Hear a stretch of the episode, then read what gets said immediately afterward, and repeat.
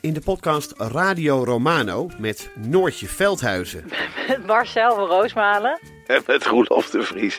brengen we alle drie elke week een zogenaamde signalering mee. Wat heb jij nou weer bij je? En aan het eind bepalen we wie de winnaar van de week is. Echt een angstcultuur Lege huls die je er bent? Ja, dat gaat eigenlijk altijd onvriendelijk. Luister nu naar Radio Romano bij Podimo. Via podimo.nl slash Radio Romano luister je 30 dagen gratis. Liegen over een mondkapjesdeal die je hebt gesloten met de overheid. Een deal waarmee je miljoenen hebt verdiend. Dat doet toch alleen Siewert van Liende? Nou, nee. Ik ben Felicia Alberding en in de Mondkapjesmiljonairs duik ik met een team van correspondenten in andere schandalen. Want wist je dat Siewert helemaal niet uniek is? Luister de Mondkapjesmiljonairs in je Podimo-app. Of ga naar podimo.nl slash mondkapjes. En probeer Podimo 30 dagen. podimo.nl slash mondkapjes. Dames en heren, soms stelt het leven je dezelfde vraag twee keer. En na zo'n appel vanuit de partij vond ik dat ik geen keuze meer had. Ik heb veel aan het CDA te danken. En ik heb nog veel meer aan dit geweldige land te danken. En als je dan de vraag gesteld wordt om je daarvoor in te zetten, dan kan je niet anders doen dan dat te aanvaarden. Maar ik heb vooral ja gezegd, omdat ik vind dat ons land zich in een fase bevindt waarin je eigenlijk geen nee kan zeggen. Dit is Betrouwbare Bronnen met Jaap Jansen.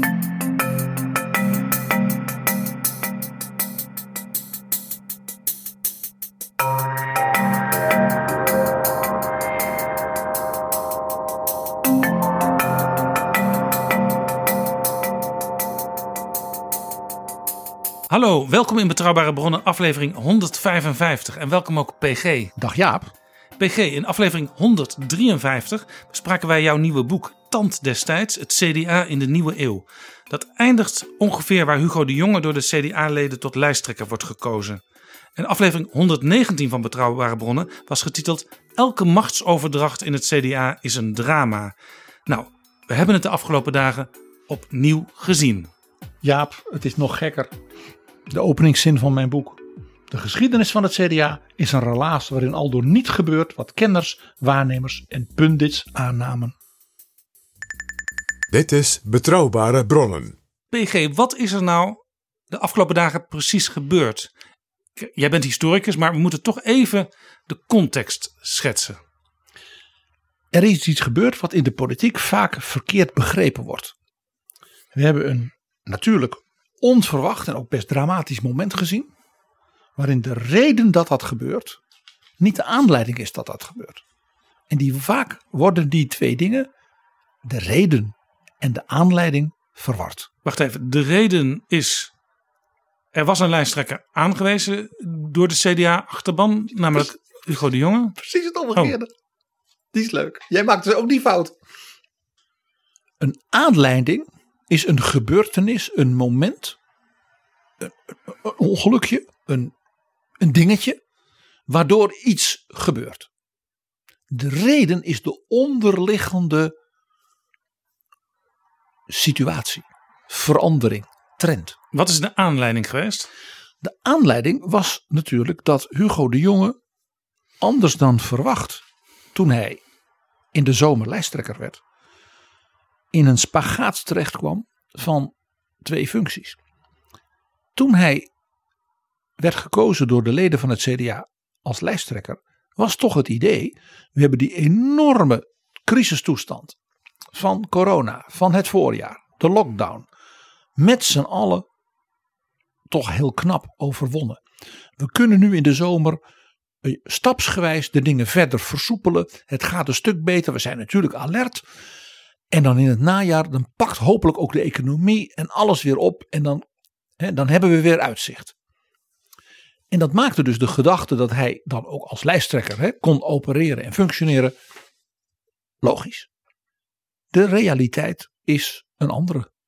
Ja, hij zegt: Ik ben tot de conclusie gekomen dat ik niet beide verantwoordelijkheden ten volle kan waarmaken. Het zijn van coronaminister en het zijn van lijsttrekker. Heel interessant, PG hierbij is, lang voordat dat hele lijsttrekkersgedoe bij het CDA eh, losbrak, was ik in de Bali op een zondagmiddag.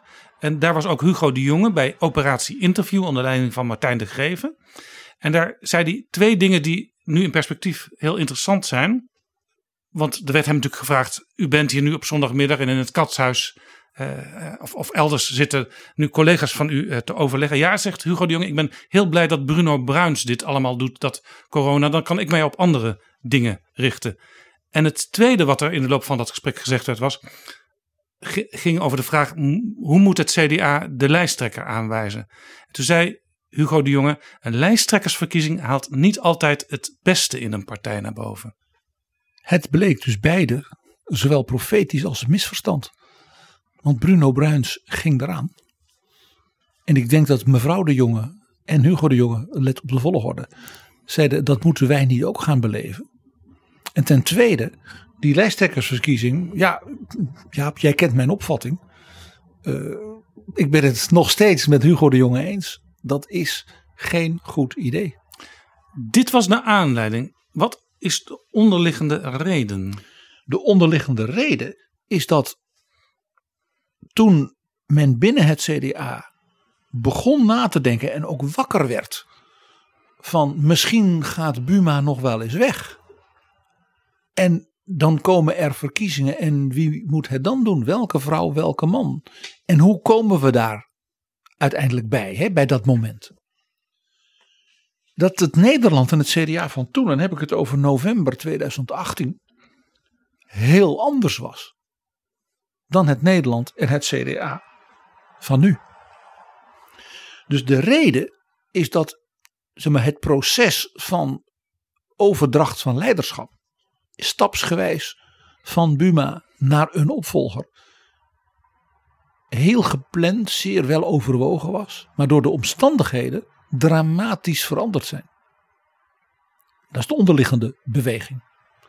Dus de aanleiding is een expressie van de reden. En niet zoals men vaak denkt, andersom. Ja, heel interessant, want nu is Wopke Hoekstra aangewezen door het CDA als lijsttrekker. Eh, eh, feitelijk kandidaat-lijsttrekker, maar dat zal uiteindelijk ook gewoon het lijsttrekkerschap. En dus zonder, Worden- zonder zo'n mal online plebiscit, maar op grond van een grondige doordenking en de gesprekken met hem, waarbij hij zei: Oké, ik ben beschikbaar. En dat het partijcongres, dat het woord spreekt namens de CDA-leden, dat kan bekrachtigen. En in die afgelopen jaren, en daar gaan we het straks wat uitgebreider ook over hebben, hadden velen al het idee die Wopke Hoekstra, dat is een potentiële CDA-leider en misschien zelfs wel een eh, potentiële minister-president. Want hij heeft eh, verschillende toespraken gehouden waarin hij heel breed en ook heel diep ging, ook ver buiten zijn portefeuille van minister van Financiën. Op een bepaald moment was er een Telegraaf voorpagina op zaterdag, waar je Wopke Hoekstra zag met bokshandschoenen. En op die dag zei Sibrand Buma, die toen nog de leider van het CDA was, in WNL op zondag. Want de Telegraaf had geschreven: in potentie een premier. Laat dat in potentie, wat mij betreft, maar weg, zei Buma. En op dat moment kreeg Wopke Hoekstra telefoon van de echte premier, Mark Rutte van de VVD. En die zei: Ho, ho, weet je wel dat er geen vacature is? Nou Jaap, leuk voor de Telegraaf. Maar in diezelfde tijd had betrouwbare bronnen ook iets. Wij moesten samen op een hele koude winterse ochtend naar Amersfoort. Naar de Prodent fabriek. Dat was op 24 november 2018. En daar vierde het wetenschappelijk instituut van die partij zijn 40-jarig jubileum. En ze hadden een programma met alle mogelijke sprekers en intellectuelen, ook van alle mogelijke partijen. Om het denken over Nederland en de toekomst na 40 jaar weer een impuls te geven. Ja, en dat was een bijzondere dag, want jij ging daar twee mensen tegelijkertijd interviewen. En die combinatie was zo bijzonder dat ik besloot, toen jij mij dat vertelde, om voor één keer de microfoon van betrouwbare bronnen helemaal aan jou over te geven. Eens maar nooit weer, hè Jaan? Want wie zaten daar op het podium? En dat hebben we toen ook in Betrouwbare Bronnen aflevering 14 uitgezonden. Jan-Peter Balkenende, de voormalige minister-president, En, de, en, acht jaar lang. en medewerker en tweede man vele jaren van datzelfde jubilerende wetenschappelijk instituut. En Wopke Hoekstra, de minister van Financiën. En die konden het heel goed met elkaar vinden, bleek daar. Eh, die bleken aan elkaar gewaagd ook in de discussie, ook in intellectuele zin, over de christendemocratie en de toekomst van de wereld en Europa. Maar er was nog iets. Van die 700 mensen zat zeg maar zo'n 500 in die zaal te luisteren en 200 in de verschillende zeg maar, discussiebijeenkomsten. Het zat stampvol. En na afloop sprak ik een man van zeg maar tegen de 80, die dus 40 jaar daarvoor een heel actieve politicus was geweest, onder andere in de Tweede Kamerfractie. En die had zitten genieten en die zei tegen mij: Wat was dat leuk? En ik zei: Ja, zei hij. Hij had het ook goed kunnen verstaan, dat was een oudere heer. Ik had het goed kunnen verstaan. En toen zei hij: Het deed mij wat. Ik zeg: Waarom? Hij zegt: Ik dacht, daar zit de jonge Ruud. Vlak daarvoor was Ruud Lubbers overleden. Deze man had dus met Ruud Lubbers gediend in de Kamer en in het CDA. En die zei: Daar zit de jonge Ruud. En ik begreep precies wat hij bedoelde. Wij komen straks in dit gesprek nog een aantal keren terug op die 24 november 2018. Want dat was voor die CDA'ers, ja, dus die diehards van de denktank van de partij en de organisatie, een soort aha-erlevenis dat daar een jonge minister zat. Met dus de ja, doorgewinterde oud-premier en man van dat wetenschappelijk instituut. En die een soort uitstraling had, blijkbaar qua optreden, qua inhoud, alsof daar de jonge Ruud Lubbers zat. Ja. Want straks gaan we wat dieper in samen op de, de, de denkwereld van Wopke Hoekstra. En daar gebruiken we ook een enkele citaten van die bijeenkomst voor. En een gesprek wat we later met Wopke Hoekstra hadden in mei 2019. Naar aanleiding van zijn reden in Berlijn, de Humboldt-reden. Maar goed, afgelopen dagen zagen we dus ineens Wopke Hoekstra opkomen. Terwijl, ja, laten we maar eerlijk zijn, PG, jij en ik hadden in de loop van de afgelopen jaren al het idee dat wordt de nieuwe lijsttrekker van het CDA. Als we zagen hoe hij zich profileerde, nationaal en internationaal. Ja, in de zin van dat het CDA in de gelukzalige omstandigheden was een luxe probleem te hebben. Want het CDA had meer kandidaten. Het CDA had allerlei vrouwen en mannen eh, waarvan je zegt, ja, die hebben een zodanige zeg maar, politieke pwa en uh, ervaring en zelfs ook uitstraling en kwaliteiten in huis, dat ze daarmee een heel eind kunnen komen. Dat gold en geldt voor Hugo de Jonge, dat gold en geldt voor Pieter Omtzigt, een Ank Bijleveld, een Vert Grapperhaus en misschien zelfs nog een paar mensen die niet zo bekend zijn. Mona Keizer wordt ook altijd in dit rijtje genoemd. Die wordt genoemd. En Wopke Hoekstra was zeker na dus die voor velen eye-opener bijeenkomst van 24 november. En in die allervoorste rij. Dat is heel duidelijk geweest. We weten al van jou, je zei het net al. Uh, Zo'n plebiscit, jou, jouw term, dat is niks. Uh, het CDA wijst vaak iemand aan via het bestuur. En dat wordt dan bekrachtigd door de leden in het congres. Wat er nu gebeurt, na het terugtreden van Hugo de Jonge als lijsttrekker en ook als Kamerkandidaat, is in feite, zoals het hoort in het CDA, namelijk een afgewogen, misschien zelfs wel stevig gesprek met kandidaten of kandidaat over en wie gaat het nu doen, de kar trekken zoals ze dat noemen in het CDA, en dan een bekrachtiging door het congres. En zo'n moment stond ook gepland in juni 2020, maar toen kwam corona ertussen. Er kwam geen congres in een hele grote zaal met heel veel mensen en heel veel bilateraaltjes en applaus en amendementen en moties en uiteindelijk ook het aanwijzen van de lijsttrekker. En uh, hoe die planning liep en wat de inspiratie daarvoor was, daarvoor moet je mijn nieuwe boek maar lezen. Dat doen we. Wat gebeurde er dit weekend? Wopke Hoekstra zei ja. Overigens, nadat er overleg was geweest met een aantal mensen, onder wie Pieter Omtzigt, die natuurlijk als tweede geëindigd was in dat plebiscit en zo nipt dat heel veel mensen in de achterban van het CDA en zelfs daarbuiten uh, nog steeds een beetje hadden van ja, is eigenlijk Pieter Omtzigt niet de gedroomde kandidaat? Die moest nog wel even met Hoekstra overleggen. Ja, Jaap, dat gesprek is natuurlijk heel logisch. Al was het maar omdat het Pieter Omtzigt was. Die zei: Ik wil Wopke Hoekstra als de nummer één. Dus als de partijbonzen, en met name partijvoorzitter Rutger Plom, met Hoekstra praat. van ja, we doen toch een beroep op je. Dan is het niet raar als de nummer twee van de lijst, die zelf al eerder zei: Ik wil hem op één, dat nog een keer met hem bevestigt. En niet zegt: Nou ja, ik heb nou liever dat je op 17 komt of zo. Ja, en toen destijds Hoekstra het niet deed, want hij zei: Ik voel me toch eigenlijk meer een bestuurder dan een politicus. Was dat voor Pieter Omtzigt een reden om zichzelf kandidaat te stellen? Ja, en ook voor Mona Keizer en ook voor Martijn van Helvert. Ja, dus in die zin is het interessant hoe Omtzigt nu reageert op de nieuwe kandidatuur en nu echt van Hoekstra. Laten we even luisteren. Uh, ik denk dat het een goed idee is als uh, Wopke uh, de partij gaat leiden. Zeker in deze heel moeilijke omstandigheden voor het land. Waarom u niet? Um, ik denk, ik denk dat uh, zeker met de economische crisis waar we op dit moment in zitten en uh, de coronacrisis, het goed is dat het uh, vanuit de partij, vanuit het kabinet geleid wordt. En daar hebben we dit keer een uitstekende kandidaat voor en dat is Wopke Hoekstra. Je hoort hem zeggen, nu is die kandidaat er wel.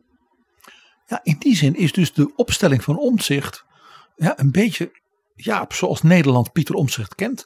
Je hoort hem even hardop nadenken waar hij goed in is. Het is geen hele vlotte uh, formuleerder. Hij zoekt even naar de juiste woorden. En is dan eigenlijk zo consequent als we hem maar kennen. Ik, wou hem, ik wilde hem toen al.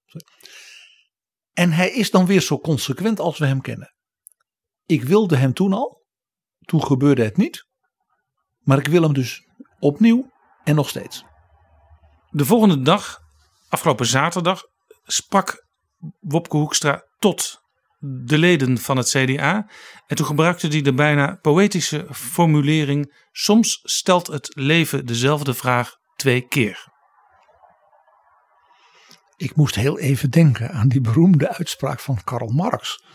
Die wij onlangs in Betrouwbare Bronnen ook behandelden. Die zei: De geschiedenis herhaalt zich soms de eerste keer als tragedie en de tweede keer als vars. Oh, dat belooft niet veel goeds, PG. Zo zie je maar dat je Marx niet in alles moet volgen. Maar dat werd de zolderkamercommunisten in de SP toch al gezegd. En hij zei ook nog, Wopke Hoekstra... Ons land bevindt zich in een fase waarin je eigenlijk geen nee kan zeggen. We hoorden het aan het begin van deze aflevering. En dat is dus precies wat ik zo even zei. Toen het CDA begon na te denken over wat zouden we gaan doen als Buma weggaat. Met dus die aha-erlevenis van november 2018. Toen was het CDA, Nederland en misschien ook wel Wopke Hoekstra en zeker Politiek Den Haag echt iets anders dan het Nederland, Politiek Den Haag, CDA en ook Wopke Hoekstra van begin december 2020, precies twee jaar later. De omstandigheden zijn natuurlijk fundamenteel anders en een omwenteling, een wending in de situatie en perspectieven als zelden in de geschiedenis. Ja, er is een dubbele crisis, misschien zelfs wel een driedubbele crisis. Uh, eerste is natuurlijk de gezondheidscrisis, corona. Tweede is de economische en financiële crisis, waar Wopke Hoekstra natuurlijk als geen ander bij betrokken is. En de derde is dat misschien het besef nu wel meer aanwezig is dat we het uh, met z'n allen in Europa moeten zien te rooien. En dus ook een solidariteitsuitdaging, bijna, zowel nationaal als Europees. En de vierde crisis is natuurlijk toch de, ja, de schuivende panelen en ijsschotse geopolitiek, waar Nederland als een van de rijkste landen ter wereld, we behoren echt met de G20 van alle rijkste landen, en een van de sterke landen in de EU, dus niet kan doen alsof dat ons niet raakt. Ja, en die dingen die, die versterken elkaar, die, die vier crisissen. Um, er wordt wel gezegd, corona maakt een röntgenfoto van alles. En nu zien we precies waar alle zwakheden zitten. Zei Mariette Hamer dat niet tegen ons? Vanuit haar crisis coronateam. Dat zei Mariette Hamer, inderdaad. We zien dus nu waar de zwaktes zitten. En die zwaktes die geven misschien ook al het begin van waar we het antwoord moeten zoeken. Nou, dat geeft je in elk geval een eerste soort prioriteitsvolgorde van bijvoorbeeld noodingrepen. Van als we daar niet iets doen, dan kunnen we al mooie plannen hebben voor de elders, maar dan stort bijvoorbeeld daar de pijler onder Nederland in. Ja, en het interessante is dat Wopke Hoekstra met al die verschillende onderwerpen, corona wisten we nog niet, maar daar was hij al sinds het begin van zijn ministerschap mee bezig. Ja, mag ik om het toch nog even extra aan te stippen voor de luisteraar. Het verschil tussen het, zeg maar, het Nederland van nou zeg maar, november 2018. Toen was dus net Prinsjesdag 2018. Dat was dus de eerste begroting van minister Hoekstra van Financiën van het kabinet Rutte 3. Want die daarvoor was nog demissionair gemaakt door Jeroen Dijsselbloem. Toen nog ook voorzitter van de eurozone. Dus de eerste echte begroting van Hoekstra als minister was van Prinsjesdag september 2018. En in november is dus die bijeenkomst waar we het over hadden, die dus die eye-opener was. Dan ga ik heel even, bijna uh, staccato, als je het goed vindt, Nederland van toen naast Nederland van nu en dus ook de economie en ook Wopke van toen. De floor is yours, PG. Nederland nu heeft niet wat het toen had, namelijk een bijna onstuitbare economische expansie en een surplus van allure op de rijksbegroting.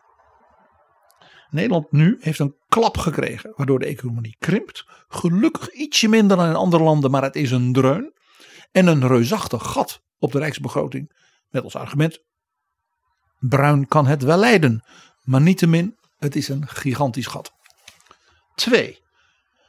De sfeer toen was meer, meer, meer. En lastenverlichting en investeringen en nog weer allemaal mooie nieuwe plannen. In de sociale sfeer ook. Nu, iedereen mag blij zijn als hij op de nul kan blijven staan. En we moeten alles uit de kast halen om massawerkloosheid te voorkomen. Drie, de sfeer was toen toch wat zorgeloos. In dit land kan alles. Men kon reizen waar men heen wilde. Men deed alles. Men kon investeren in de wereld. Het was een mooie tijd. En nu zitten we existentieel en zelfs fysiek, maar vooral existentieel in een lockdown. Alles is bevroren. Niemand zegt nu: Oh ja, ik ga dit en dit en dit doen, want dat komt allemaal goed. Toen was, was modieus toch nog wel steeds euroskepsis. Ja. Ja, dat Europa dit, ja, dat Europa dat. We hoeven de namen niet te noemen. Nee. Nu nou, de voorbije dagen heeft Europa zich ja, bij elkaar geraapt. Akkoorden gesloten over een gigantische gezamenlijke investering. Om de gezamenlijk dreigende ellende gezamenlijk op te vangen. Het is samen in een boze wereld. En iedereen beseft hoe nodig dat is. Dan, toen was er ook een zekere luxe. Wat ik maar noem van een antipolitiek hedonisme. Nu wordt dit land, economie, polderpolitiek, gecoördineerd door het coronacrisisteam van de SER. Daar was toen geen idee van dat je dat ooit zou hebben. Toen was het, je gaat studeren. Er is een baan al in het derde jaar van je studie ja, in jouw vak. Er is tekort in de zorg, in het onderwijs, de ICT. Nou, vul maar in. En nu? Jongeren hebben bijna een soort no future 2.0 gevoel. Ja, in allerlei opzichten. Daar heeft ook de jongere groep van de CERN uh, een groot rapport over geschreven. Uh, er is geen werk, zoals jij zegt, niet onmiddellijk. Uh, er is geen huis. hun studietijd, ja, die bevindt zich vooral achter het scherm en niet prettig op de campus en, en in de stad. En met elkaar en met je docent en met je prof en met het project waar je in kunt scoren. En in de tussentijd loopt die gigantische studieschuld langs het, dankzij het leenstelsel ook nog op. Die je niet kunt afbetalen, want je hebt straks geen baan. Dank u wel. Dus dat is wat ik noem een soort somberheid in combinatie ook met wat dat CER-rapport van jongeren zei. Een stressgevoel van kan ik, me, kan ik echt die kansen pakken waarvan iedereen zegt joh doe nou. Ja maar ik kijk toch met zorg ook naar de toekomst. Dat is voor jongeren niet goed maar de ouderen ook. Toen was het, het gaat geweldig met Nederland. Ja. Geen land heeft zoveel prachtige pensioenen in zo'n pensioensysteem als Nederland. We hebben een pensioenakkoord. En nu? Ja, die pensioenen zijn er nog wel. Maar het is social distancing met oma. Ja, achter het raam naar elkaar zwaaien. En dat is wat ik bedoel, die fundamenteel andere maatschappelijke, economische en geopolitieke werkelijkheid. Als je dus kijkt naar twee jaar geleden, hè, Hoekstra eh, bij dat jubileum. Hè, editie 14 van net begonnen betrouwbare bronnen toen. En het Nederland en dus ook de positie van Hoekstra van vandaag. Ja, dit is dus die nieuwe fase waarin je eigenlijk geen nee kan zeggen, zoals Hoekstra dat zelf uitdrukt. Weglopen voor je verantwoordelijkheid doe je niet een klassiek CDA-begrip. Heel interessant, Hugo de Jonge die benadrukte: ik moet nu kiezen niet voor het partijbelang, maar voor het landsbelang. In feite zegt Bob Hoekstra, door nu het partijbelang te omarmen als lijsttrekker, kies ik ook voor het landsbelang. En niet voor mezelf. Precies. Wopke Hoekstra had ook kunnen zeggen, ja jammer. Ja, zulke dingen gebeuren.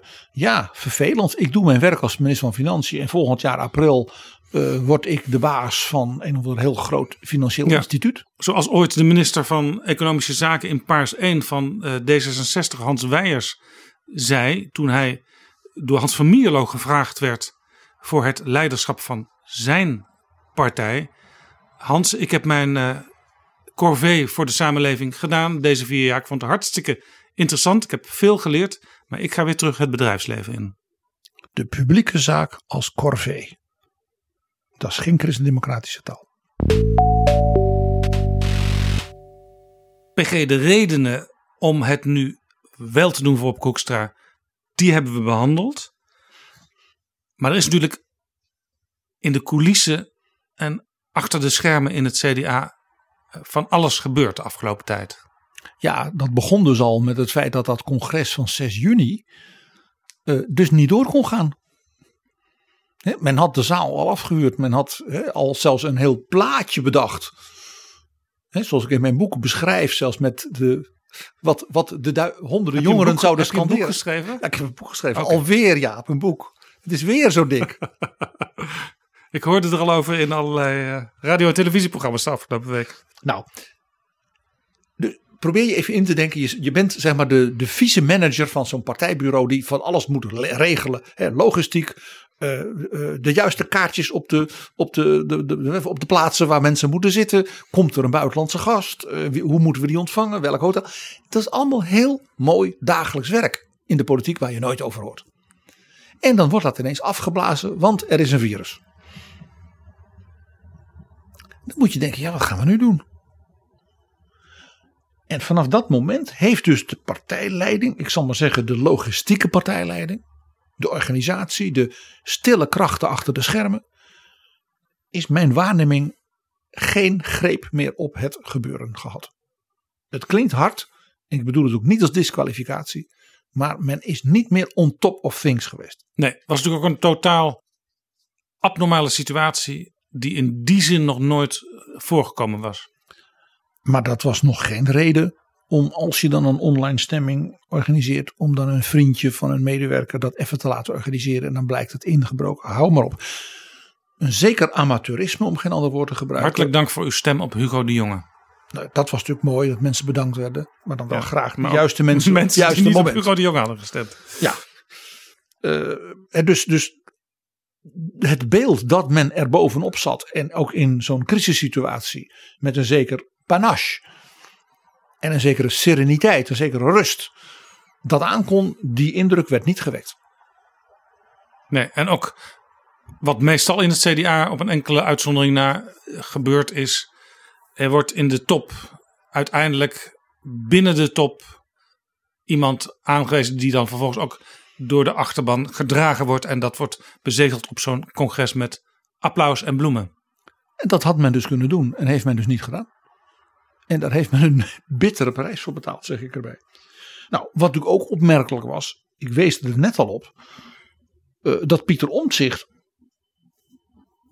als toch iconische parlementariër en iemand met een groot ook moreel gezag in politiek Den Haag en zeker ook binnen het CDA zo helder was dat hij zei ik wil Wopke. Toen die dus niet beschikbaar bleek hè, met die merkwaardige grote eh, één getal hè, die dan voor het ministerie van Financiën werd gezet Uh, ja, toen ja, dus het filmpje van de partijvoorzitter, op zich een leuk filmpje. Hij ging naar drie adressen. Naar het ministerie van Financiën, Wopke Hoekstra. Naar Rotterdam, Hugo de Jonge. En naar Volendam, Mona Keizer. En op Twitter zag ik deze week iemand dat filmpje terug uitdraaien. En dan zag je dat uh, ja, alle adressen weer in de andere volgorde langs gegaan werden. En uiteindelijk verdween de een weer via het ministerie van Financiën naar het CDA-partijbureau. Ja, wat mij altijd opviel, even een detail, maar niet onaardig hoop ik. Het filmpje toonde dus zeg maar, de, de kade van de kibbeling in Volendam. De stad Rotterdam van Hugo. Ja, de stad Rotterdam met die iconische skyline. En het ministerie van Financiën.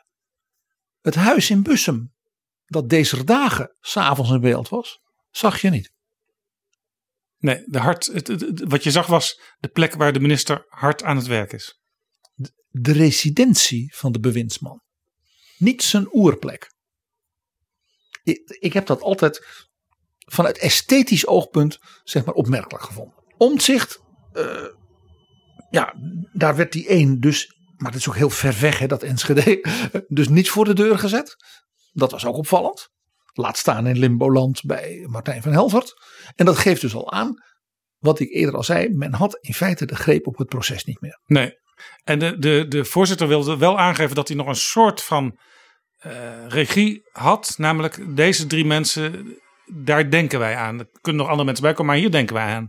Ja, en uh, nou ja, zoals ik in de openingszin van mijn boek schreef, er gebeurt altijd precies niet wat men verwacht. Daarbij was helder het omzicht een onmiskenbare voorkeur had voor Wopke Hoekstra als de nummer 1. Ja, want toen die nee zei, en dat gebeurde binnen 24 uur, toen was dat voor Pieter Omtzigt het zijn om zich warm te gaan lopen en zich enige tijd daarop ook te melden als kandidaat lijsttrekker. Het betekende voor hem van ja, nu is alles heel anders, conform mijn boek, uh, dan iedereen weer denkt. En nu moet ik ook zelf nadenken. Wat is mijn rol nu? Als degene die ik graag zou willen en zou willen steunen en ja, met wie ik ook dat zeg maar zou willen optrekken, uh, het niet doet, ja, wat dan? De conclusie was voor hem, zeg maar, 48 uur later. Dan gooi ik mijn hoed zelf in de ring. Ja, en toen kwam er dus uit dat het 50-50 was op, op 240 stemmen, geloof ik, na. Dat was het verschil. Er bleek dus een enorme ja, kloof, mag ik misschien niet zeggen, want dat is verondersteld van alles. Maar de voorkeur was heel erg verdeeld in de achterban. Ja, en ik zeg er nog niets bij. Dat zie je bijna overal voortdurend als je dat soort referenda hebt. Dat zag of het je nou bij, Brexit bij is. Mark Rutte en Rita Verdonk. Dat zag je bij Alexander Pechtold en Louis van der Laan. En inderdaad ook bij Trump. Biden, bij Trump, Brexit, Clinton. geen Brexit. Ja, je zou toch denken dat mensen zo langzamerhand verstandig werden en zeiden nooit meer doen. Referenda. Hè? Maar ja, het gebeurde toch. En Hugo de Jonge werd het. En daar ga je ook verder niet over zeuren. Dat heeft Omtzigt ook niet gedaan. Uh, het is niet een omzit te verwijten dat toen gedoe kwam over dat malle ICT-gedoe. En dan ook nog met mevrouw Omtzigt. Dat is natuurlijk ja, te pijnlijk voor woorden. Maar dat lag niet aan Omtzigt en die is ook niet gaan zeuren. Van ja, maar de Hugo dit en ja, maar de Hugo dat ik ga er niet omheen draaien dat ook toen al de partijtop natuurlijk zei: stel je nou voor met dat dat met dat corona toch nog veel erger blijkt dan het zou zijn. Dus je denkt na over scenario's. Ja. En toen was er dus een plan B. Wat was het plan B? Het plan B was dat het CDA uh, zou het echt helemaal fout lopen met corona enzovoort. Een ander persoon kandidaat premier zou maken. Zo van Hugo heeft het echt veel te druk. Die blijft uh, onze Hugo, om maar zo te zeggen. Maar die kan niet de rol vervullen ook nog zeg maar premierskandidaat. Ja, wacht even, want we hebben hier wel onderscheid te maken tussen lijsttrekker en premierkandidaat. Want dat hoeft niet altijd hetzelfde te zijn. Nee. Maar het zou dus heel goed kunnen dat je dan zegt de situatie zo dat de lijsttrekker is de lijsttrekker. Daar gaan we ook niet aan met de missemuizen, om dan zo te zeggen.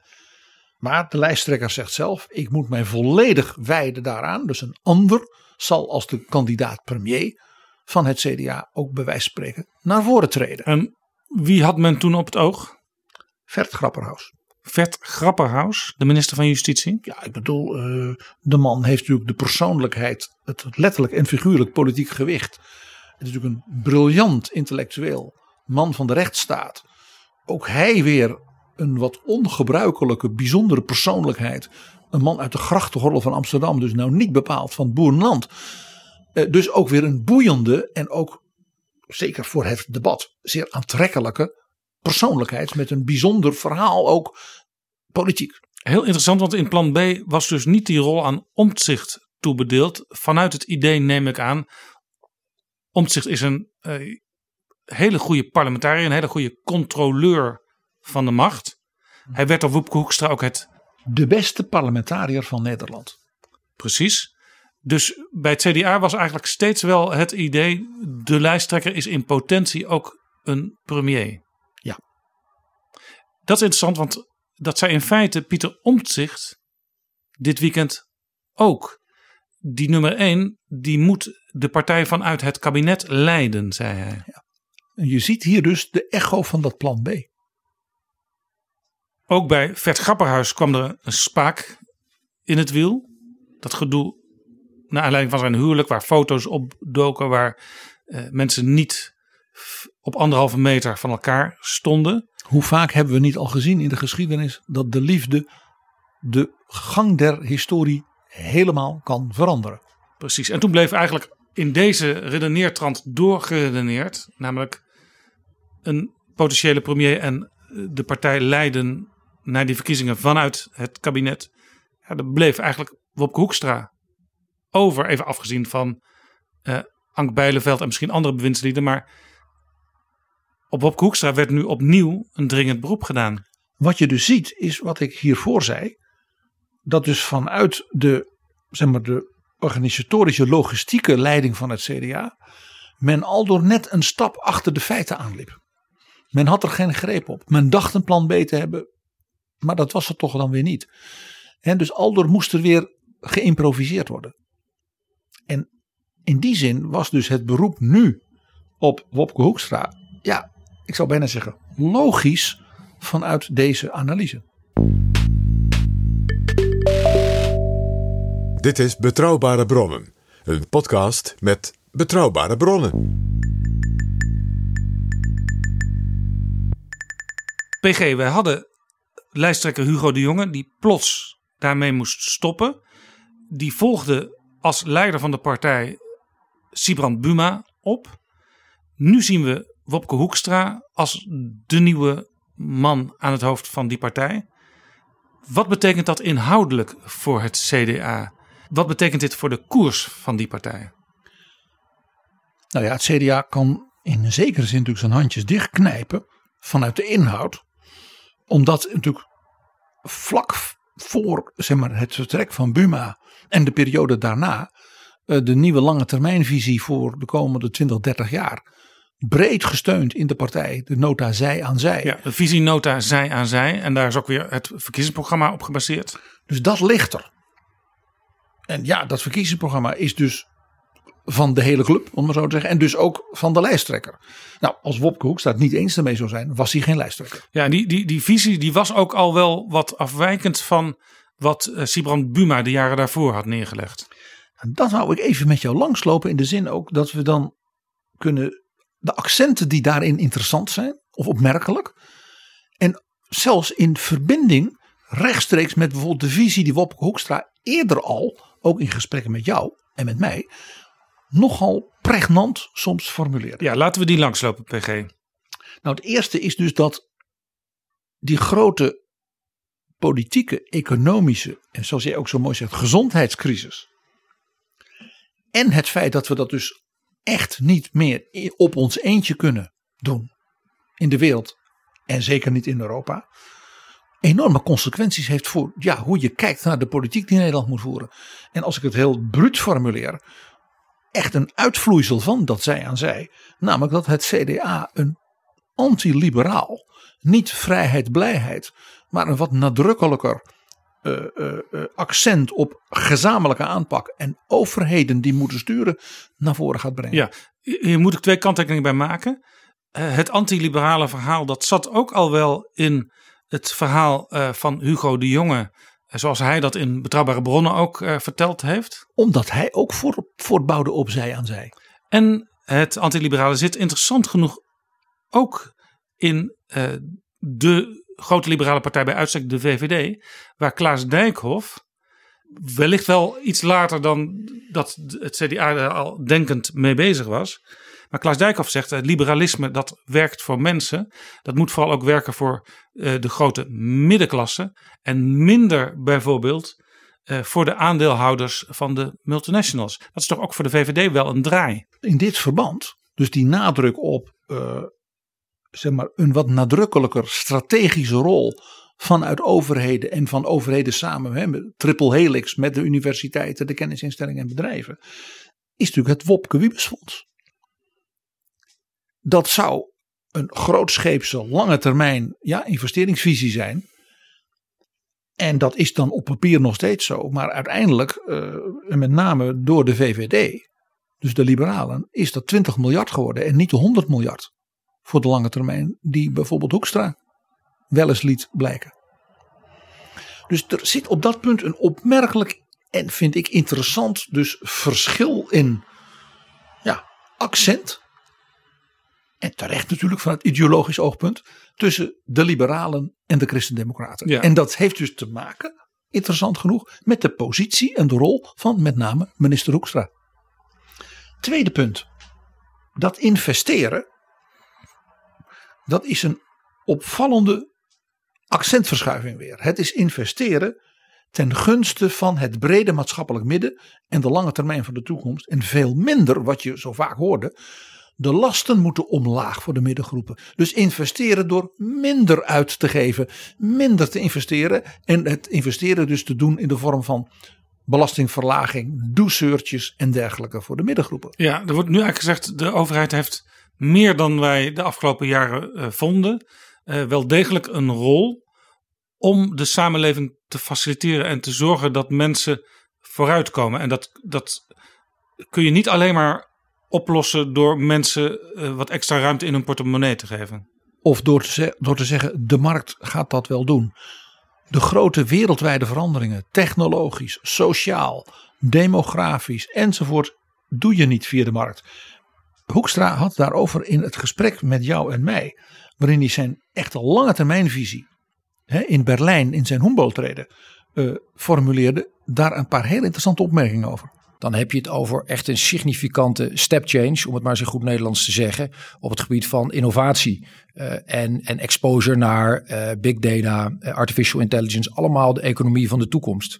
Dan heb je het over een probleem als het klimaat, wat zich natuurlijk niks aantrekt van grenzen. Maar je hebt het ook over, en daar refereerde u natuurlijk al aan, aan geopolitieke problemen. en aan het onvermogen van de Europese landen om ja, toch een van de meest fundamentele dingen te doen die burgers van hun staat mogen verwachten. En dat is gewoon het land kunnen verdedigen in tijden van oorlog. In ieder geval zou ik graag zien dat er geopolitiek meer wordt samengewerkt. Want Europa, de Europese Unie, is puur economisch gezien echt een supermacht. Um, en op het moment dat het puur gaat over handel, dan zijn we ook goed in staat om die rol te spelen. Maar op het moment dat we dat veilige domein, als ik het zo mag formuleren, verlaten en bijvoorbeeld kijken naar economische veiligheid, ja, dan zie je dat landen daar eigen, hele andere uh, en, en lang niet altijd coherente afwegingen in maken. En ik denk dat daar winst te boeken is. Vooral ook omdat je ziet dat de wereldorde zoals we die een paar decennia uh, geleden gewend waren, met multilateralisme, vrijhandel, aandacht voor de rule of law, die die wereldorde die staat zwaar onder druk. En spelers vanuit Moskou en vanuit Beijing, die trekken zich daar steeds minder van aan. Dus daar zul je ook zelf uh, op een andere, minder naïeve manier in moeten opereren als Europa. Dit was Wopke Hoekstra in ons gesprek wat wij met hem hadden in mei 2019 naar aanleiding van de Humboldt-reden in Berlijn. En dit is eigenlijk al in een notendop een uh, politiek programma ja. voor de komende jaren. Ja, en ook heel interessant is dat aspect van we moeten die middengroepen niet alleen maar met wat lastenverlichting, maar dus bewust investeren in dingen die daar belangrijk zijn en die ze misschien niet alleen maar, uit, zeg maar vanuit de markt kunnen doen, is natuurlijk dat CDA-punt van weg met dat leenstelsel, schulden voor jongeren en herstel de basisbeurs. En ook uh, ja, toch een modern CDA zou je kunnen zeggen, met veel aandacht voor innovatie, kunstmatige intelligentie, uh, het klimaatbeleid, wat vier jaar geleden voor het CDA nog niet voorop stond. Heel veel uh, realisering van wij staan geopolitiek tussen grote machten en wij moeten ons als Europa daartegenover verhouden. Dus een niet achter de dijken kruipende visie op de wereld. Geen uil van Minerva. Nou, een derde punt is toch wel ook een accentverschil. Namelijk dat investeren doe je dus niet alleen maar voor het, ik zeg het maar wat ondeugend, het compenseren van de problemen in de krimpregio's. Het boerenland, de, de, de gebieden van Nederland die niet groeien, waar zelfs ja, de bevolking begint te krimpen, waar de scholen misschien wel dicht moeten, waar de ziekenhuizen niet meer overeind blijven. Dus daar ga je compenseren. We gaan een extra spoorlijn naar Groningen aanleggen, uh, want dat is fijn voor Groningen dat de lange termijn investeringsschema's van Nederland zeggen dat levert niet genoeg op. Niks mee te maken. Compensatie, want dat is het eigenlijk. Je ziet daar nu een accent tegenover. En dat hoorde je dus net al bij uh, het betoog van uh, Hoekstra. Van je moet investeren in lange termijn dynamiek voor de hele economie. En dat zit in belangrijke mate in de kenniscentra. En dat is dus de grote steden. Of dus ook een grote stad met heel veel kennis en dingen als Groningen en als Nijmegen en Maastricht. Ja. Eindhoven. En Eindhoven en Tilburg. Maar toch echt het urbane deel van Nederland met zijn krans ja, van buitenwijken en dergelijke. Met een concentratie van toptalent. Want dit land is natuurlijk een topland in de wereld. Van bedrijvigheid, innovatie en creativiteit. En wat mij ook opviel toen al bij Wopke Hoekstra in de gesprekken die wij met hem hadden was, uh, ja, misschien zou je het wel, zelfs wel kunnen noemen, zijn liefde voor Europa. En dat klinkt misschien gek, want uh, we hebben natuurlijk Wopke Hoekstra het afgelopen uh, half jaar ja, in een soort bokshandschoenen aan gevechtshouding zien staan tegenover het zuiden van Europa, waarvan die, die, bij ons in het noorden het idee is, die, die maken het geld alleen maar op en wij moeten dat dokken voor ze die foto van de Telegraaf, die moest vooral in La Repubblica en uh, El País en zo worden afgedrukt, hoor ik jou zeggen. Maar in zijn, zijn gesprek met Balkenende onder jouw leiding en in zijn Humboldt-lezing in Berlijn, uh, merkte hij gewoon dat hij heel erg doordacht heeft wat de rol van Europa kan zijn in de wereld, dus geopolitiek, en hoe Nederland daarbinnen weer een belangrijke rol kan spelen. Ja, dat het 1 en 1 is 17 is voor een land als Nederland. Wij zijn als eh, Nederland en als kabinet en als CDA zijn wij voor Europa, voor de Europese Unie en absoluut ook voor de euro. De vraag zit hem heel erg in het wat en de vraag zit hem in het hoe. Dat geldt op mijn eigen terrein eh, als het gaat om vrij technische, financieel-economische onderwerpen, waarbij we ervoor moeten zorgen, dat is trouwens ook precies de discussie over de lange termijn, dat we de boel stabieler maken. Dat we goed bewapend een volgende economische crisis uh, inwandelen. Dus daar speelt ook die lange termijn discussie altijd met mijn collega's. Waarbij ik keer op keer zeg, ja, het is wel makkelijk om snel wat af te spreken. Maar laten we nou zorgen dat we niet dezelfde uh, fout maken als de vorige keer. Namelijk het makkelijk eens worden, maar dan vervolgens te weinig instrumentarium hebben in een volgende crisis. Maar eigenlijk is die Europese discussie nog breder. Want je ziet dat traditionele machtsevenwichten verschuiven. We zien allemaal dat het de situatie eh, in Amerika gewoon echt consequenties heeft eh, voor onszelf. Rusland hebben we ook gezien, de consequenties voor Nederland. En je ziet dat China, en, en aan de ene kant kan je daar met, met bewondering naar kijken, maar aan de andere kant uh, wordt daar ook echt een, een, een handschoen op onze deurmat gelegd. Je ziet dat wat China geopolitiek aan het doen is met het ontwikkelen van de nieuwe zijderoutes, dat dat ook een, een geopolitieke uitdaging betekent voor Europa. En één ding is glashelder: geen van de lidstaten van de Europese Unie zal die uitdaging in zijn eentje kunnen beantwoorden. Dus dat vraagt toch een gezamenlijk antwoord en het gezamenlijk nadenken over dingen die ver voorbij alleen maar het, het, het strikt economische en, en monetaire gaan.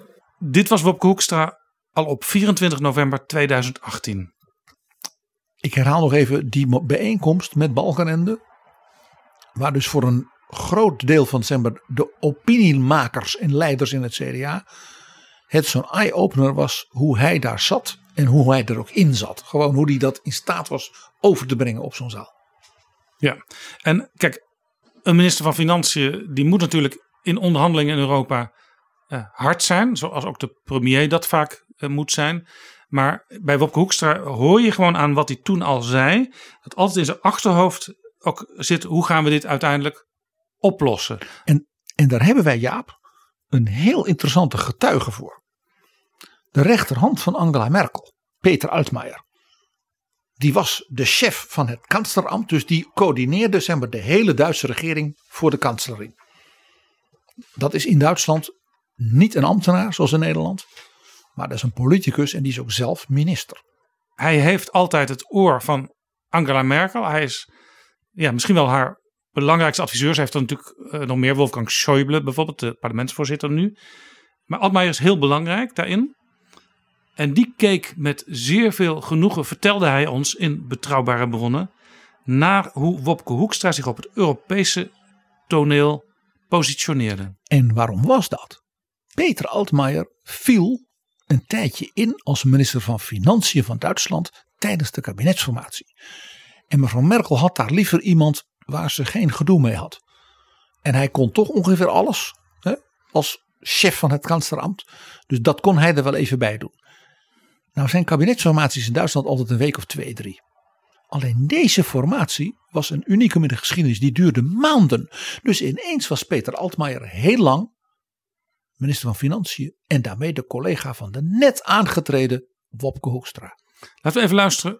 Twee minuten lang naar Peter Altmaier. Omdat hij eigenlijk vertelt in die twee minuten hoe Wopke Hoekstra te werk gaat. En hoe mooi hij dat vindt.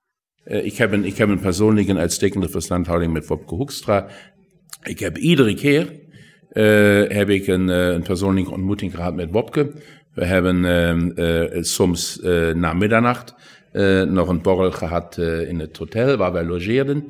Um, en Wopke had ook het initiatief genomen om mij uit te nodigen voor een vergadering met die Scandinavische en Baltische uh, landen. De, Han, de Hanse-coalitie.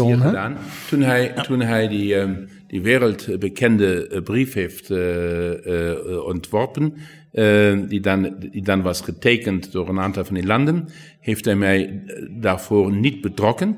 Dat was een, een hele intelligente beslissing. Ja? ja, ja, ja, omdat, omdat hij blijkbaar, blijkbaar uh, niet wist uh, uh, wat, ik, wat ik tegen hem zou zeggen. De rol van Duitsland en van Nederland verschilt in, in zover als we heel vaak eenzelfde opvatting hebben. vooral als het gaat om financiën, om euro, om stabiliteit in de eurozone. maar ehm, Frankrijk en Duitsland hebben ook een belangrijke rol te spelen wanneer het gaat om consensus, om ehm, om compromissen die in Europa moeten worden gemaakt. Uh, en ik weet dat um, de, de, de Frans-Duitse samenwerking uh, niet altijd populair is in andere Europese buurlanden. Maar zonder die samenwerking is het heel erg moeilijk om de verdeeldheid in Europa te overkomen. En daarom vond ik het een goed idee.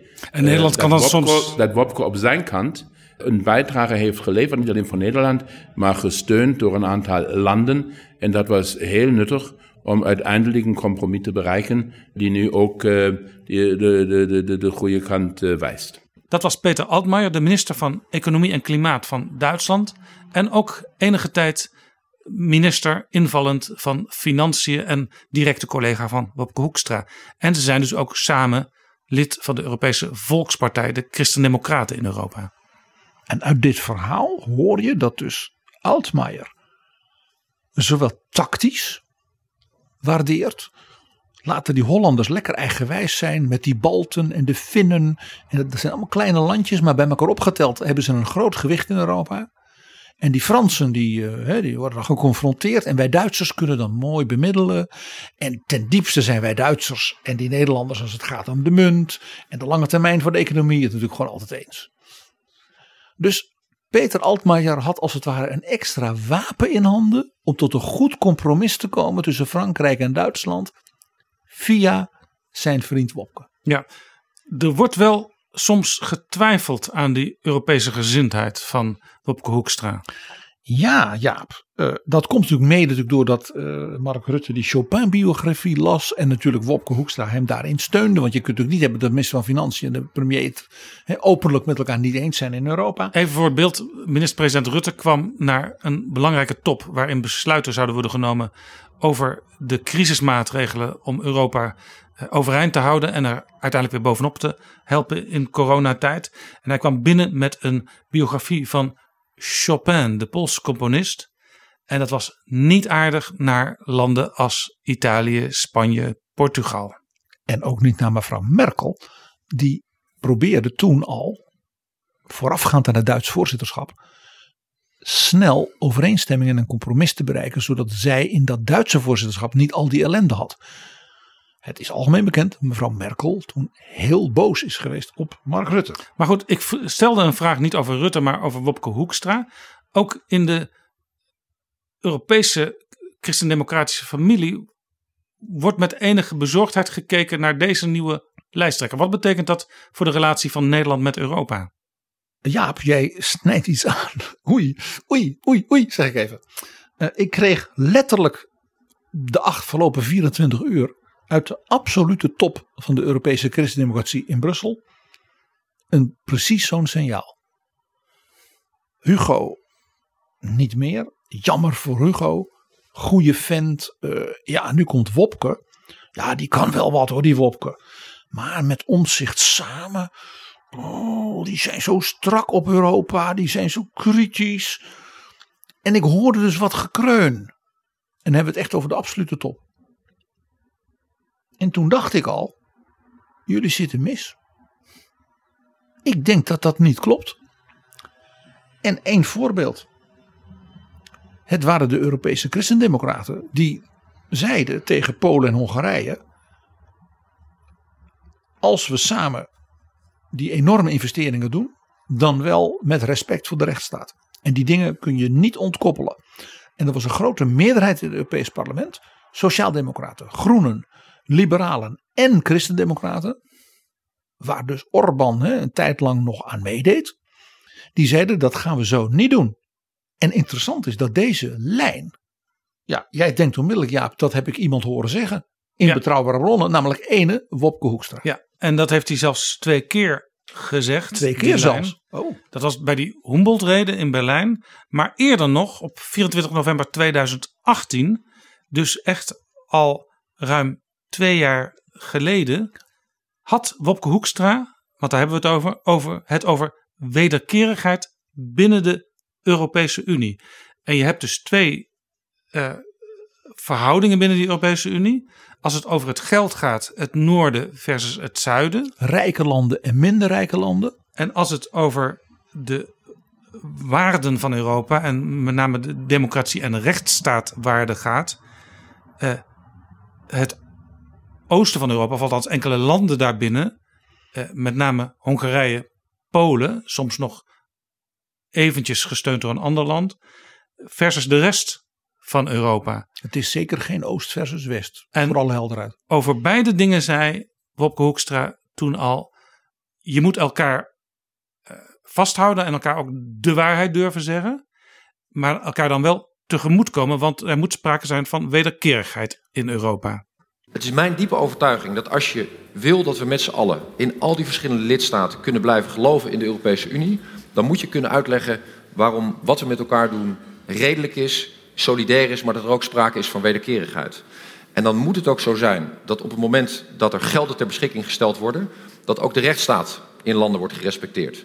Dan moet het zo zijn dat in landen ook er de zekerheid is, of er aan waarschijnlijkheid grenzen de waarschijnlijk, waarschijnlijkheid, dat dat geld ook van Nederlandse burgers niet in corrupte zakken verdwijnt. Dan moet het zo zijn dat het geld van burgers op een effectieve manier wordt uitgegeven. En dat zou je kunnen zeggen zijn de normen en waarden. En dus ook de conditionaliteit die ten grondslag moet blijven liggen aan de Europese Unie. Omdat ik heel goed begrijp dat als je dat niet op orde hebt, dat burgers ook de vraag stellen, ook aan politici, waarom zouden we daarmee door moeten gaan? Dat was Wopke Hoekstra in november 2018. Wat je hier hoort, Jaap, is wel heel interessant. Je hoort hier dus een minister van Financiën. Die nadenkt over hoe gaan we in Europa nou op de lange termijn ja, die financiële verhoudingen stabiel houden. Maar dat we elkaar wel de waarheid kunnen zeggen. En je ziet hem bijna hardop nadenken, bijna oefenen in gesprek met Balkenende, die dit soort onderhandelingen als premier natuurlijk eindeloos heeft gedaan. Van hoe, hoe zie ik dat? Hoe sta ik erin? En dat probeerde hij uit, dus op die zaal en op de luisteraars van Betrouwbare Bronnen. En wat je nou zag, een halfjaartje later, toen hij dus in Berlijn die Humboldt-reden hield, en die was dus bedoeld voor een internationaal Europees toppubliek in Berlijn, dat hij zijn formulering gevonden had. Want toen in die speech had hij als het ware uitgewerkt en heel pregnant dat thema van die wederkerigheid ook en nadrukkelijk ook op de rechtsstaat. Ja, dus in die zin hoeven, laten we tussen aanhalingstekens zeggen, Europeanen zich geen zorgen te maken over Wopke Hoekstra. Hij kreeg ook meteen eigenlijk al op die 24 eh, november bij dat wetenschappelijk instituut, die bijeenkomst waar wij waren, eh, de zegen van Jan-Peter Balkenende. Laten we even luisteren hoe Balkenende reageerde op de redeneringen van Wopke Hoekstra. Precies het enorme belang van uh, het ook opkomen voor de samenleving. Het opkomen voor de rechtsstaat als die onder druk staat. Het opkomen voor groepen die, het, die het lastig hebben in de samenleving. Ik, ik, zie jou kijken dat je denkt van hé, hey, ik, ik, had dit verhaal ook kunnen houden. Ja, nou, ik, ik, ik, geniet ervan dat de minister van Financiën, die vaak een vakman ja. is, tegelijkertijd die bredere dimensie erbij pakt. Daar hou ik van. Nou, wat is er nou mooier om als nieuwe leider van het CDA uh, ja, de zegen van de vorige grote succesvolle leider te krijgen, de oud-premier Jan-Peter En, Europa, zeker op een moment dat je nog helemaal niet in beeld bent als de nieuwe leider. Er is in Europa natuurlijk nog wel een, een, een, ja, een lastig probleem, nog steeds voor de christendemocraten. En dat is het lidmaatschap van Fidesz, de partij van Orbán, van die christendemocratische familie in Europa. En het interessante is dat dus de lijn van Hoekstra in het eerdere fragment, de lijn is van Manfred Weber, de leider van de christendemocraten in Brussel.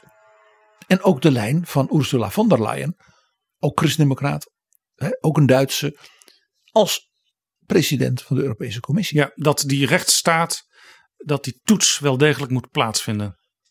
Precies. En ik wijs er dus op dat in dat opzicht uh, Hoekstra als minister van Financiën natuurlijk kritisch is op de centjes en wat al niet. Maar dus op de fundamenten van Europa helemaal als het ware hè, op die lijn zit. En overigens, de nummer twee van het CDA, Pieter Omtzigt, wordt ook er wel eens van beticht. Eurosceptisch, euro dit, euro dat te zijn. En ook daarvan zeg ik, ja, als je zoals Omtzigt je zo ongelooflijk inzet. Via de Raad van Europa in Straatsburg. Voor de mensenrechten. En niet alleen in Malta. Maar ook in, in Turkije. In Belarus. Ja. de Magnitsky-wet ja, ja, tegen Poetin. Mag, mag ik aanvullen? Hij is misschien wel het meest Europese lid van de Tweede Kamerfractie van het CDA. Gezien waar hij allemaal mee bezig is geweest de afgelopen jaren. En ook waar hij bijvoorbeeld de Europese Commissie en de Europese uh, organisaties kritisch bevraagd. Op doen jullie de goede dingen goed? Is het niet te bureaucratisch? Kost het niet te veel geld? Dat is geen heel Hollands is het. Maar dat doe je omdat je Europa zo belangrijk vindt. Dat je zegt het moet optimaal gebeuren. Zijn strijd met uh, Eurocommissaris Michel Barnier. Ik schrijf daar in mijn boek leuke details over.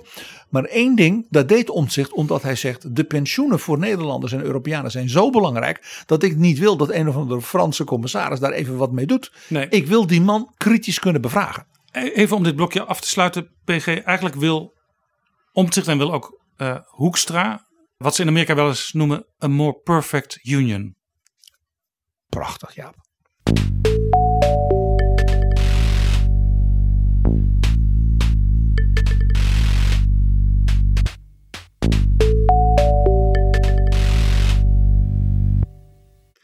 Dan, PG, we gaan een beetje richting het slot van dit uh, gesprek. Hoe is Wopke Hoekstra, die toch ook veel mensen kennen als ja, de coole McKinsey consultant. Hoe is hij christendemocraat geworden? Hij is helemaal niet iemand uit de, mag ik het zeggen, klassiek confessionele, rurale gebieden van zeg maar, katholieke traditie of de wat zwaardere protestantenhoek. Hij is een remonstrant. Ja, het is een grootstedelijke, uh, moderne gelovige. Ja, hij heeft met Amsterdam. Hij woont in Bussum, in het Gooi. Hij woonde in Parijs, hij woonde in Singapore, hij woonde in Berlijn. Ook in dat opzicht dus niet een klassieke, zeg maar, zuilen-CDA. En het leuke is, hij heeft op die bijeenkomst waar wij toen waren met hem en waar Balkenende ook was, op een hele leuke manier, ja, naar dat CDA-publiek wat daar zat en ook naar onze luisteraars natuurlijk, uh, ja, verteld uit zijn jeugd. En hoe hij eerst als jochie en daarna als student in Berlijn, ja, zeg maar, wakker geschud werd voor het CDA. Wat ik eh, nog heel goed kan herinneren was eh, dat uh, Lubbers altijd zijn persconferentie gaf, op vrijdag. En dat was dan een gesprek. En dan zat ik samen met mijn vader zat ik naar, naar de televisie te kijken. Het is eerlijk om te zeggen dat ik daar als acht of negenjarige minder dan de helft van begreep. Maar het is wel een moment wat me is bijgebleven, omdat wij samen ernaar zaten te kijken. Mijn vader had ook niet zo heel veel geduld voor televisie kijken. En ik denk eerlijk gezegd ook niet voor politici. Maar als het was afgelopen, zei hij bijna altijd iets positief kwalificerends over Lubbers. En dat beeld, dat staat me nog heel sterk bij. En, en wanneer werd je christendemocraat? Nou, wat mij altijd heeft aangesproken in het CDA is de dubbele verantwoordelijkheid. Dus de gedachte dat je op de eerste plaats verantwoordelijkheid neemt voor jezelf, voor je eigen leven. Uh, maar dat iedereen die dat kan, dat die toch ook wordt uitgedaagd, wordt uitgenodigd om verantwoordelijkheid te nemen over het grotere, het bredere. Het begint natuurlijk met je eigen familie, maar dat kan je ook in de kerk, in een sportvereniging en breder voor de samenleving. Dus dat, is, dat, dat zat zeker ook in mijn, uh, in mijn opvoeding. En ik heb in de periode um, dat um, uh, Fortuin werd vermoord, dus de periode waarin ik in het, uh, in het buitenland woonde. Dat is een periode waarin heel vaak aan mij is gevraagd: wat is er toch eigenlijk aan de hand in Nederland? Hoe kan het nou dat een land dat zoveel heeft waar je ongelooflijk gelukkig mee mag zijn, waar je ongelooflijk trots op mag zijn, dankbaar voor mag zijn, dat het toch zo met zichzelf in de war is. En toen heb ik gedacht, als ik terugkom, dan. Uh, ik wist niet eens zeker of ik uh, en op wat voor termijn ik terug zou komen naar Nederland. Maar toen heb ik wel gedacht, uh, dan ga ik ook, al is het maar iets heel kleins, ga ik iets doen in de politiek. Dat was Wopke Hoekstra in 2018 in Betrouwbare Bronnen. Je ziet hem, ik zal maar zeggen, een bordje op schoot in zijn pyjama. Met pa kijken naar die lubbers. En zijn pa die niet zoveel geduld had met dat soort dingen. Ja, en ook uh, zoiets had van, die vent die heeft wel, die, die staat ergens voor. Ja, dat is de kleine Wopke. Toen Wopke nog een Wopke was. En daarna hoorden we meteen ook uh, dat hij zich zorgen maakte toen hij de wereld overtrok avontuurlijk als, als, als, als ja, twintiger, dertiger. En fortuin zag opkomen. En hij merkte ook dat het moeilijk was om uit te leggen wat er toch in Nederland aan de hand was aan zijn vrienden in Berlijn en andere plekken waar hij woonde. Ja, en hij dacht, ik wil misschien wel een rol gaan spelen in Nederland als ik terug ben. Je zult toch ook als jong academicus of onder Shell-medewerker in Berlijn aan collega's die daar die serieuze Duitse politiek gewend zijn, hè, de Angela Merkels en zo, moeten uitleggen wie professor Fortuyn is. Ik, ik, zie het voor me hoe je dat probeert als jonge Nederlander. Je hebt geen idee wat is er in vredesnaam aan de hand in dat land. Dus er zat ook iets in van dit soort, mag ik het zeggen, dit soort gekte, dit soort dingen daar, daar voel ik me niet bij thuis. En ik wil dat er op een andere manier iets gebeurt. En ik zoek dat dan bij die partij van de Christen-Democraten. Ja, hij ging toen ook, dat vind ik altijd nog wel een mooi detail om even te melden. Hij ging voor het partijblad van het CDA prominente CDA'ers interviewen. En ja, dan kom je natuurlijk vanzelf al dichter bij dat gedachtegoed. En ook dus iemand die van in zekere zin intellectueel van buiten kwam. Hij kwam dus met de vragen van zijn vrienden in Berlijn.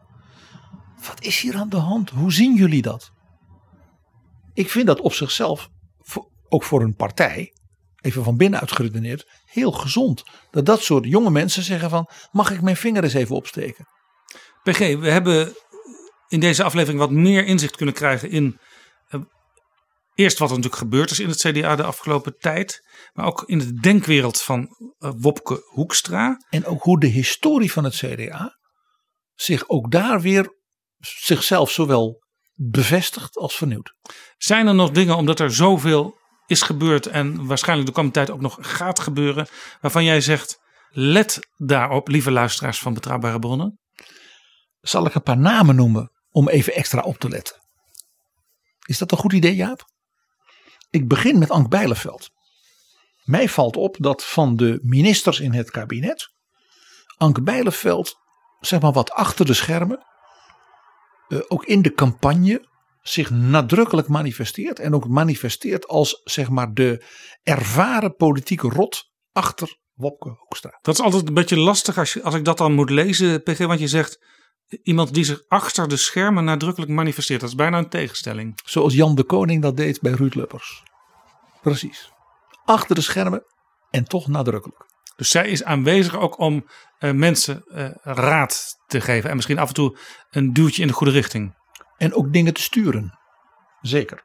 Uh, wie natuurlijk bekend is bij de luisteraars van Betrouwbare Bronnen. Is Jitske. We hebben haar al een keer genoemd en meer dan dat in de aflevering over de Carolines. En ik hoorde jou dat deze week ook nog op BNR zeggen. Let op Jitske Haagsma. Jitske Haagsma is de PA, zoals dat heet, van Wopke Hoekstra. Ja, dubbele betekenis eigenlijk. Hè? Persoonlijk assistent, maar ook politiek assistent. Ja. Dus altijd in de schaduw meelopend met de minister. En zij was de fractieleider van het CDA in de Staten van Noord-Holland. En Ja. is dus een ervaren politica, hoe jong ze ook is. Voor de vaste betrouwbare bronnenluisteraars, zij is een Carolien. En het vak heeft zij geleerd, nou, ik zal maar zeggen, erger kun je het niet leren. Ze was de assistent in de Tweede Kamer voor al die financiële toestanden van ene Pieter Omtzigt. En dit zegt misschien ook heel veel voor de verhouding tussen die twee, Omtzigt en Hoekstra. Dat denk ik ook.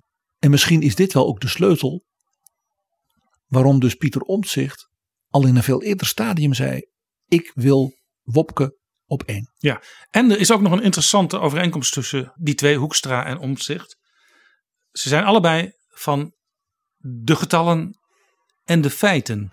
En dat bleek ook toen jij aan Wopke Hoekstra vroeg welk boek hij aan de luisteraars van Betrouwbare Bronnen kon aanbevelen. En voor de komende 40 jaar, voor dus die denktank van het CDA die toen jubileerde. Laten we even luisteren. Het, het, het boek heet Factfulness. En wat is er nou zo aardig aan dat boek? Dat boek dat beschrijft dat we wel eens wat te somber zijn over waar we op dit moment staan met de wereld. Want het boek laat zien dat als je aan deze zaal vraagt hoeveel meisjes denken jullie dat er op dit moment in de wereld naar school gaan als je het vergelijkt met de jongens? Of hoeveel armoede denk je dat er voorkomt in de wereld eh, vergeleken met 30, 40 jaar geleden? Of hoe denk je dat het gesteld is met het, het uitsterven van allerlei dieren? Dan blijkt dat we keer op keer op keer de wereld veel negatiever inschatten dan hoe die nu is. De cijfers bijvoorbeeld als het gaat over meisjes die in ontwikkelingslanden naar school gaan, die zijn fenomenaal goed. Zeker als je het vergelijkt met die tijd dat het WI werd opgericht en ik twee jaar oud was. Die zijn fenomenaal als het gaat om hoeveel mensen ontsnapt zijn uh, aan de armoede sinds ik twee jaar oud was uh, en, en je dat vergelijkt met nu. Dat zijn fenomenale getallen. Het zijn fenomenale bewegingen die we als mensheid hebben weten te maken. We moeten dus nu ook de volgende fase met die uh, millennial goals moeten we zien te maken. Het tweede waarom dat boekje me zo aanspreekt is vanwege die titel, Factfulness. In deze tijd, in deze tijd waarin er voortdurend fake nieuwsfilmpjes, ook van politici, op websites verschijnen, soms ook van regeringspartijen, is het cruciaal dat we blijven kijken naar wat is er nou echt aan de hand. Wat is er nou feitelijk waar en vervolgens daarop ons laten inspireren vanuit onze overtuiging. Dat is wat we moeten doen. En daarom dus deze keer dit boek. Heel interessant allemaal in dat boek van Hans Rosling, Factfulness, in Nederland verschenen als Feitenkennis. Ja, dat moeten we eigenlijk ook gaan lezen om uh, Wopke Hoekstra nog beter te kunnen begrijpen de komende tijd. Vanwege tenminste twee dingen die hij dus voor dat denktankpubliek onderstreepte. Eén, wees nou toch niet zo somber. Dat was toen natuurlijk een, mag ik het zeggen, een forse soort culturele correctie op het Buma-beeld van het CDA. Kijk naar de goede dingen. Er gebeurt in de wereld heel veel waar wij ook als Nederland aan kunnen bijdragen. Zodat we elkaar weer wat aanmoedigen in plaats van somber. Hij noemde de naam Buma natuurlijk niet, maar de goede verstaander die begreep wat hij bedoelde. En de tweede was zijn tamelijk felle aanval op de verspreiders van fake news en politici die denken dat als je de mensen bang kunt maken en bedriegen, dat ze daar dus iets goeds mee doen. Dankjewel, PG.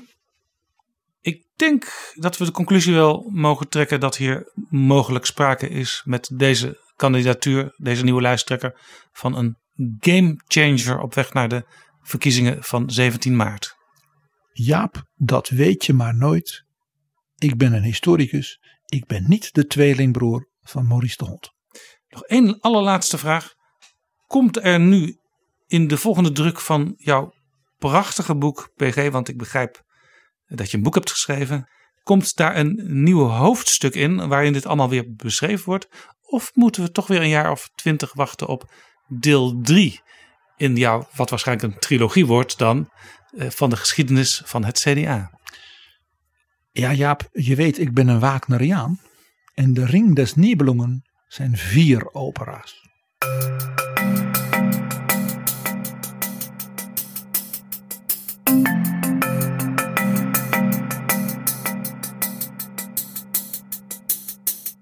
Zo, dit was Betrouwbare Bronnen, aflevering 155. Er volgen er dit jaar 2020 nog twee. Deze week nog één en dan nog eentje tussen kerst en oud en nieuw.